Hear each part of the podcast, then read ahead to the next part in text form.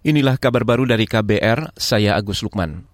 Presiden Joko Widodo hari ini kembali mengunjungi pasar tradisional untuk meninjau pergerakan harga kebutuhan pokok yang sebelumnya naik setelah lebaran.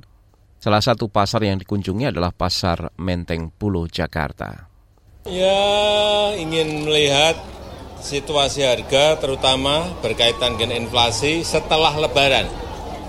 Tadi yang kita lihat memang yang naik adalah bawang merah di angka 44, 45. Dari yang sebelumnya kan hanya 32, 34. Naik di 44, 45. Saya kira itu aja. Selain mengecek harga barang, Presiden Joko Widodo juga mengecek ketersediaan sejumlah bahan pokok di pasar. Jokowi mengatakan stok beras masih aman dan terpantau pada rentang harga yang juga terkendali yaitu sekitar Rp9.000 hingga Rp9.500 per kilogram. Jokowi juga menyebut harga minyak goreng masih di angka Rp14.000 per kilogram, sedangkan harga telur turun ke angka Rp31.000 per kilogram. Kita ke informasi lain, Saudara Komisi Nasional Hak Asasi Manusia atau Komnas HAM menyebut penyelidikan kasus-kasus pelanggaran hak asasi manusia atau pelanggaran HAM berat kerap terkendala terbatasnya wewenang dan sistem hukum acara yang tidak mendukung.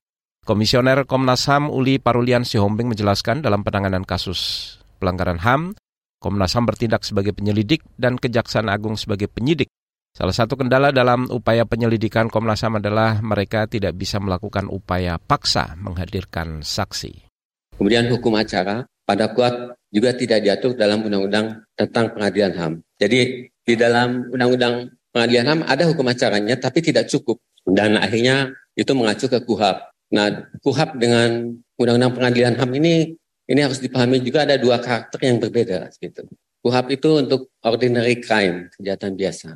Pohon kalau saya salah ya. Kalau pengadilan HAM itu untuk extraordinary crime. Jadi ada dua konsep yang berbeda. Nah kalau dipaksakan disatukan juga, saya kira itu akan susah. Komisioner Komnas HAM Uli Parulian Sihombing menambahkan kendala lain yang dihadapi Komnas HAM adalah keterbatasan wewenang mereka sebagai penyelidik dan membutuhkan komunikasi dengan Kejaksaan Agung. Selain itu, Komnas HAM juga menghadapi kesulitan mengumpulkan bukti-bukti dalam kasus dugaan pelanggaran HAM berat.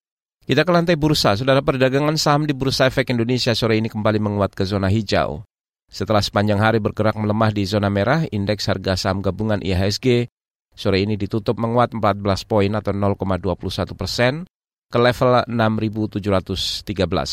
Dikutip dari RTI Bisnis, sejumlah bursa saham utama Asia juga menguat kecuali bursa Nikkei Jepang yang melemah tipis. Sedangkan dua bursa saham Eropa yaitu FTSE London dan bursa saham Frankfurt melemah.